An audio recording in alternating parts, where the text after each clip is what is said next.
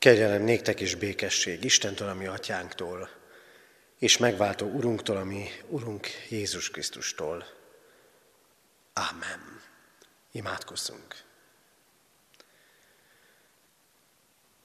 Urunk Istenünk, nagyon fura időket élünk, és sokféle érzés, gondolat, elképzelés kavarok bennünk jelenről és jövendőről. Szeretnénk már találkozni egymással, családban, régen látott barátokkal és gyülekezeti közösségben is. Vannak, akik nem értik, hogy miért kell ilyen szigorúnak lenni ebben a helyzetben, az előírások tekintetében, mások meg talán még szigorúbbak lennének. Látod, Urunk, hogy ez a mostani helyzet sokféle reakciót vált ki belőlünk. Akárhogyan is legyünk, de mindannyiunkra igaz, belefáradtunk már. És szeretnénk, hogyha eljönne a felüdülésnek, az újrakezdésnek, a nyitásnak az ideje. Amikor nem azzal kellene szembesülnünk, hogy baráti, családi, ismerősi körben kinek mennyi vesztesége van, kinek mennyi félelme. És Úrunk, mi ebben a helyzetben, ezen a vasárnapon is Isten tiszteleti közösségben lehetünk együtt. Várjuk, Urunk, a Te ígédet.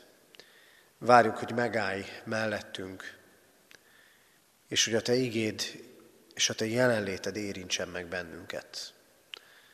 És légy számunkra világító toronyá, tájékozódási magaslattá, hozzánk közel lévő Istenné. Urunk, így jövünk eléd, és kérünk, várunk téged, szólíts meg bennünket igéd által. Amen.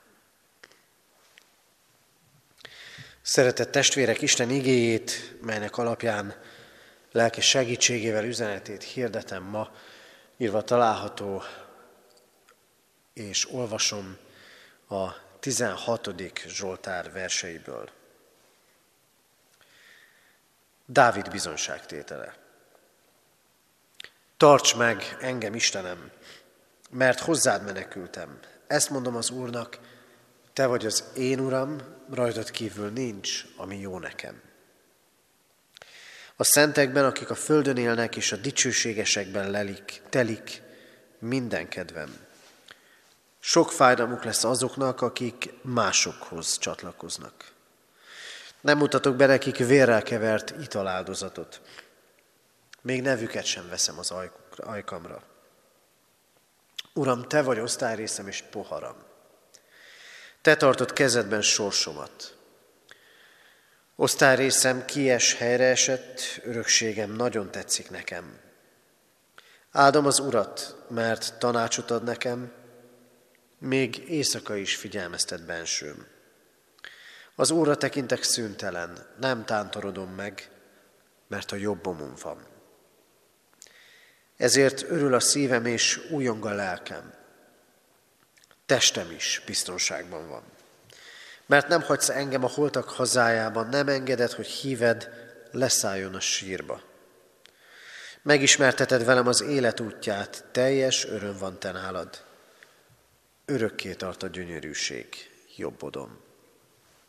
Ámen. Kedves testvérek, a 16. Zsoltár olvasása során az első gondolatom az volt, hogy talán nem is kellene erről a Zsoltárról prédikációt mondani. Mert hogy önmagáért beszél.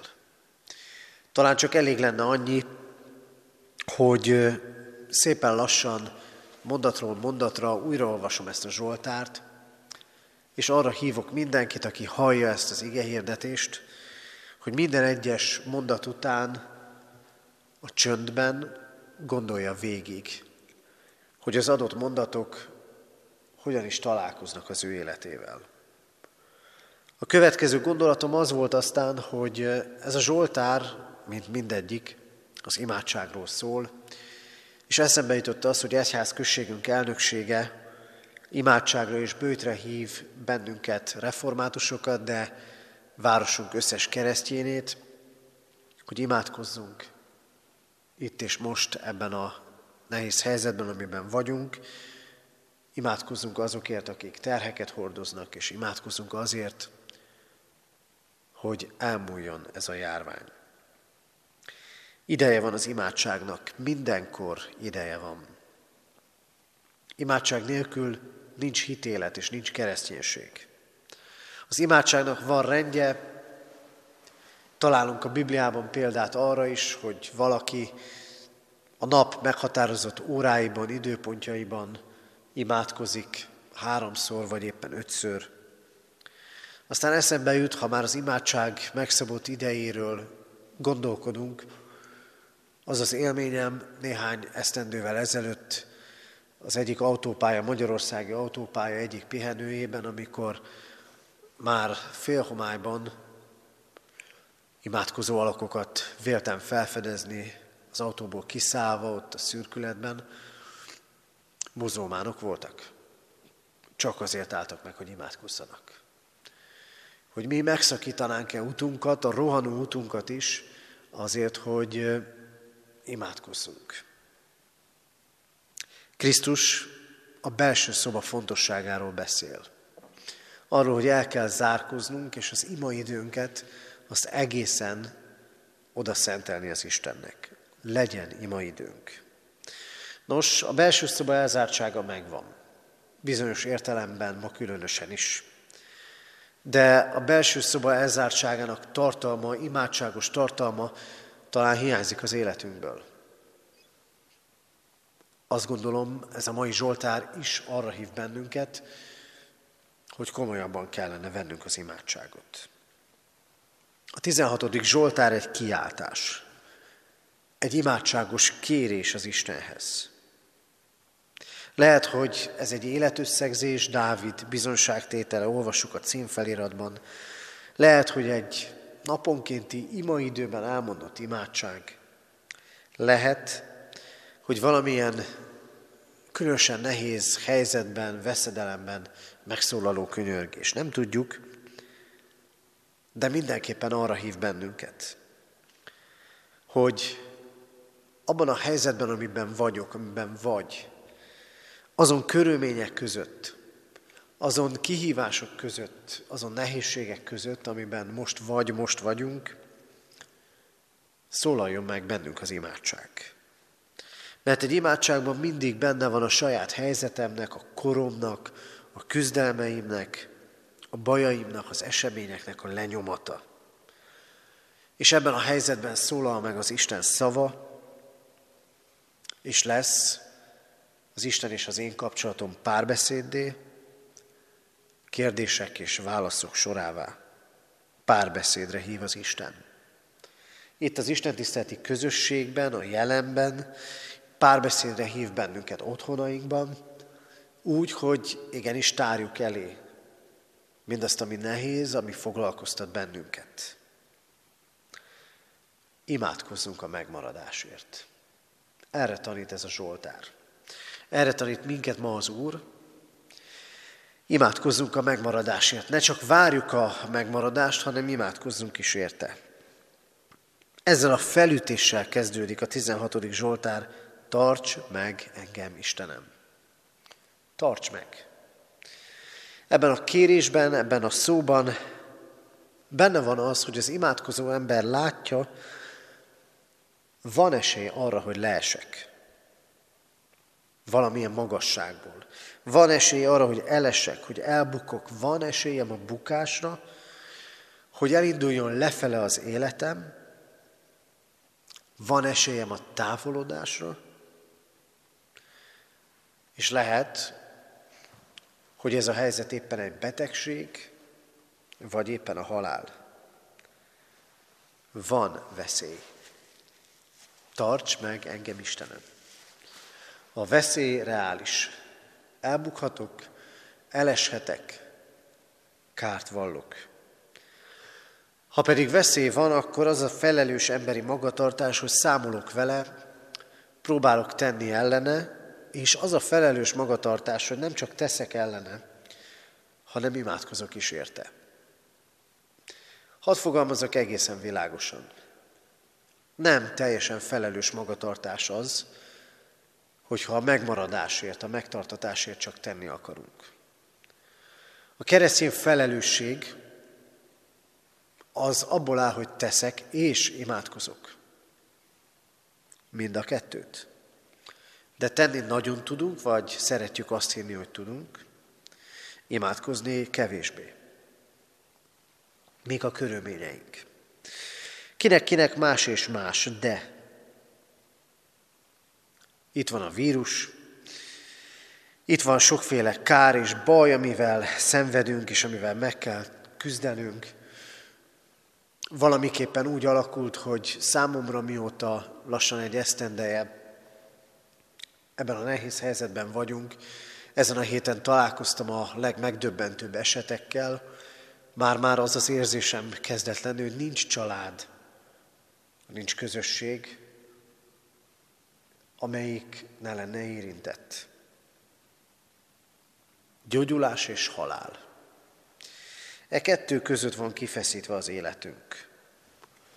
Meg kell tanulnunk, bármennyire is nehéz, hogy nem tudunk biztosra menni. Valamiképpen most is igaz az, amit máshol olvasunk a Szentírásban, két ember van a mezőn, az egyik felvétetik, a másik ott, ott hagyatik. Nem tudjuk miért, emberileg sem tudjuk, hogy miért gyógyul meg az egyik, és miért kell elbúcsúzni a másiktól. Biztosra akarom menni, de nincs biztonság. Ezért, kedves testvérek, ez a Zsoltár, rajta keresztül a mi Urunk, imádságra hív bennünket. Mikor fogalmazzuk már meg, tarts meg engem, Istenem. Imádságra hív, megmaradásért. Hogy könyörögjünk a saját életünkért, és könyörögjünk mások életéért.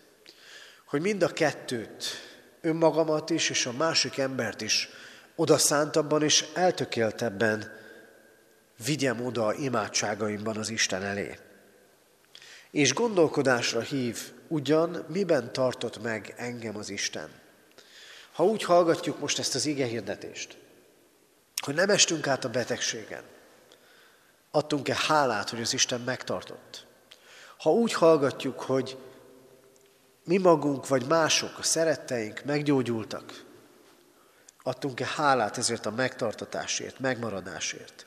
És hogyha túl tekintünk ezen a mostani vírus helyzeten, miben tartott meg az Isten? Mikor voltak olyan idők az életemben, amikor látszólag lefelé tartott minden, és egyszer csak véget ért a zuhanás, egyszer csak megtartó kezekbe estem az Isten könyörületes kezében, és adott talán érthetetlen módon is menekülést. Tudjátok, hol van a megmaradás, a megtartatás? Az Isten közelében. Tarts meg engem, Istenem, mert hozzád menekültem. Ez a kulcs, hogy ott legyek az Isten közelében. Sokszor ezt várjuk, azt várjuk, hogy az Isten tartson meg és segítsen nekünk, de nem teszünk felé egyetlen egy lépés sem. Ó, hány ilyet lehet olvasni és hallani. Hol volt az Isten? És miközben nincsenek olcsó válaszok, vajon elgondolkodunk-e ilyenkor, és én ott voltam az Isten közelében? És persze igaz, amikor nem vagyok az Isten közelében, neki akkor is hatalma van arra, hogy a távolból is megtartson engem, de a megtartás, a megmaradás kulcsa mégiscsak ez. Közel lenni az Istenhez. Nem a megmaradás visz közel az Istenhez. Hány és hány ember van, aki megúszott dolgokat, akinek nem kellett kárt vallania, vagy aki nagy veszedelemből, bajból, viszonylag kis vesztességgel került ki. Közelebb került az Istenhez. Kevesen igen, sokan nem.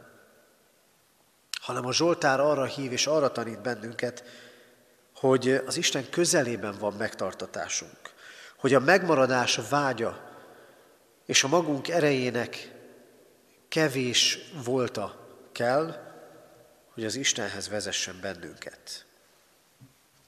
Az Istené vagyok. Az Úr az én osztályrészem. Mondja ebben a Zsoltárban Dávid, eljutott ide, van Istenem, ő jutott nekem. Lehet, hogy van, akinek más Istene van, vannak emberei, de az én osztályrészem az Isten. Nekem ő jutott. És azt fogalmazza meg Dávid király, hogy ez a kapcsolat, hogy az Isten jutott neki, ez a közösség, ez a közelség mindenre elég. Mindenre elég. Az Úr az enyém. Föl kell tennünk ezt a kérdést is. Mi az enyém? Enyémek az eredményeim, enyémek a sikereim, és enyémek a kudarcaim is. És sokszor azt gondoljuk, hogy ezek mutatják azt, hogy ki vagyok én, és milyen értékes is vagyok valójában. És ki az enyém? Enyémek azok az emberek, akik mellettem vannak, akiket, akiket próbálok kézben tartani, terelgetni és vezetni, akik ott vannak évek és évtizedek óta mellettem, akár mert engem bízott rájuk az Isten, akár mert őket bízta rám. Birtokolni akarom az embereket, és azt gondolom, hogy meg tudom tartani őket.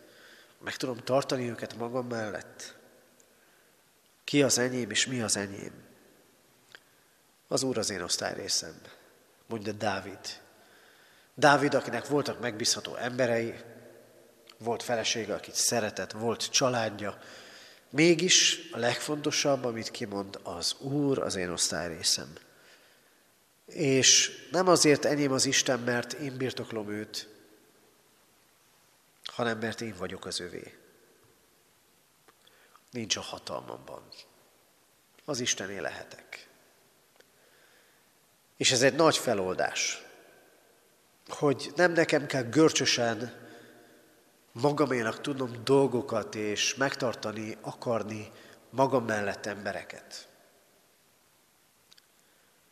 hanem az Úristen tarthat meg engem maga mellett. Mert megváltott. Mert Krisztusban értem is emberré lett. Meghalt. Erre emlékeztünk nagypénteken és a húsvéti feltámadás örömhírében. Kiszabadított az Isten. Magáinak mondott, azt mondta, ne félj, megváltottalak, neveden hívtalak, enyém vagy. Erről szól nekünk az Isten. Erre hív meg bennünket ma is, hogy legyek egészen az övé. És ha az Istené vagyok, ha lemondok végre arról, hogy mindent én akarok birtokolni, és mindenkit én akarok birtokolni, és átadom magam az Istennek, hogy az övé legyek, akkor azt látom, hogy lesz megtartatás. Akkor azt fogom látni, hogy ez a fajta átadás, hogy Krisztusé vagyok, az egész életemet meghatározza. Mint ahogy annyi minden meghatározza az életünket. Sok személyes történés, a származásunk, a kultúránk, a magyarságunk, a reformátusságunk, a környezetünk mind-mind meghatároz bennünket. De keresztény emberként ez az elsődleges szempont, ami meg kell, hogy határozzon. Az Istené vagyok. Krisztus által. És ez egészen meg fogja szabni életem minden területét. Mit mond Dávid, és mivel bíztat bennünket ez az ige? Az Úré vagyok, ezért az Úr tanácsot ad. Hányszor voltunk és vagyunk tanácstalanok? Mit és hogyan kellene tennünk? Hányszor gondoljuk azt, hogy az Isten majd olcsó, egyszerű válaszokkal fog terelgetni bennünket? Az Úr tanácsot ad. Mert igéjét adja. Mert az imádság csendjében válaszokat fog adni az Isten. Ha az Istené vagyok, akkor ő gondoskodik rólam és vezet bennünket. Ha az Isteni vagyok, aki bölcs, akkor bölcsességre fog tanítani. Kérd el ezt a bölcsességet, hogy eligazodj döntéseidben, hogy várd az Isten útmutatását, hogy ne csak emberi látószögből és szempontok és emberi értékek szerint hozzunk döntéseket, hanem az az Úr vezethessen bennünket, aki ismer és tud mindent.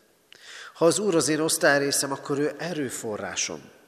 Az Úrra tekintek szüntelen, nem tántorodom meg, mert a jobbomon van, mellettünk áll. Ő erősít, készít ezt küzdeni, mert kell küzdenünk most is, kell harcolni dolgokért, emberekért, el kell hordoznunk terheket, sokszor olyanokat, amikről talán nem is gondoltuk, hogy el tudjuk hordozni őket. Ha rátekintek az Istenre, akkor erőforrásom lesz. De rá kell tekinteni. Rá kell gondolni úgy, hogy mellettem van az erős Isten. Mert ő ezt megígérte nekem. Az Úr az én biztonságom. Ebben a bizonytalan világban. És az Úr életet ad. Megismerteted velem az élet útját. Mert nem ismerem az Isten nélkül. Mert nem tudom az Isten nélkül, hogy mire való az élet. Hogy az élet azért adatot, hogy megtaláljam benne az én megváltómat. Az én életem évtizedei alatt, és talán ezt is felhasználhatja az Isten, hogy így kiélezte ezt a mostani helyzetet, hogy vigyázz, mert nincs a kezedben az életed és annak az ideje. Megtaláltad az életet? Az élet teljességét. És amikor az életről beszél az Isten, akkor az örök életet is elénk adja. Az örök életet is. Áldom az Urat, mert tanácsot ad nekem. Mert nem hagy engem a holtak hazájában, nem engedett, hogy szented leszálljon a sírba. Örökké tart a gyönyörűség jobbodon. Teljes öröm van nálad. Ki tudjuk ezt mondani? Elhittük ezt. Az Úr az én osztályrészem. Mondja Dávid, és bár csak úgy lenne, hogy őszintén el tudnánk ezt mi is mondani. A Zsoltáros imádsága együtt lét az Istennel. És ebből az Istennel való együttlétből jók, áldások származnak. A kérdés csak egy. Te az Istené vagy-e? Én az Istené vagyok-e? Krisztusban megváltott az Úr? Elfogadtam-e az Istennek ezt a megváltó szeretetét? Rámondtam-e imádságban azt, Uram, én nem akarlak birtokolni téged. Én nekem nem elég, hogy birtoklok sok mindent. Nem akarok pusztán birtokolni embereket, hanem azt akarom, hogy te legyél az életem ura, te legyél az én osztályrészem. Mondjuk ezt ki. Kérjük ezt az Istentől, hogy így jöjjön be az életünkbe. És imádkozzunk megtartatásért, megmaradásért, a rávaló odahagyatkozás készségért. Imádkozzunk azért, hogy tanítson bennünket és tanácsoljon, hogy legyen erőforrásunk, biztonságunk és életünk. Ámen. Imádkozzunk.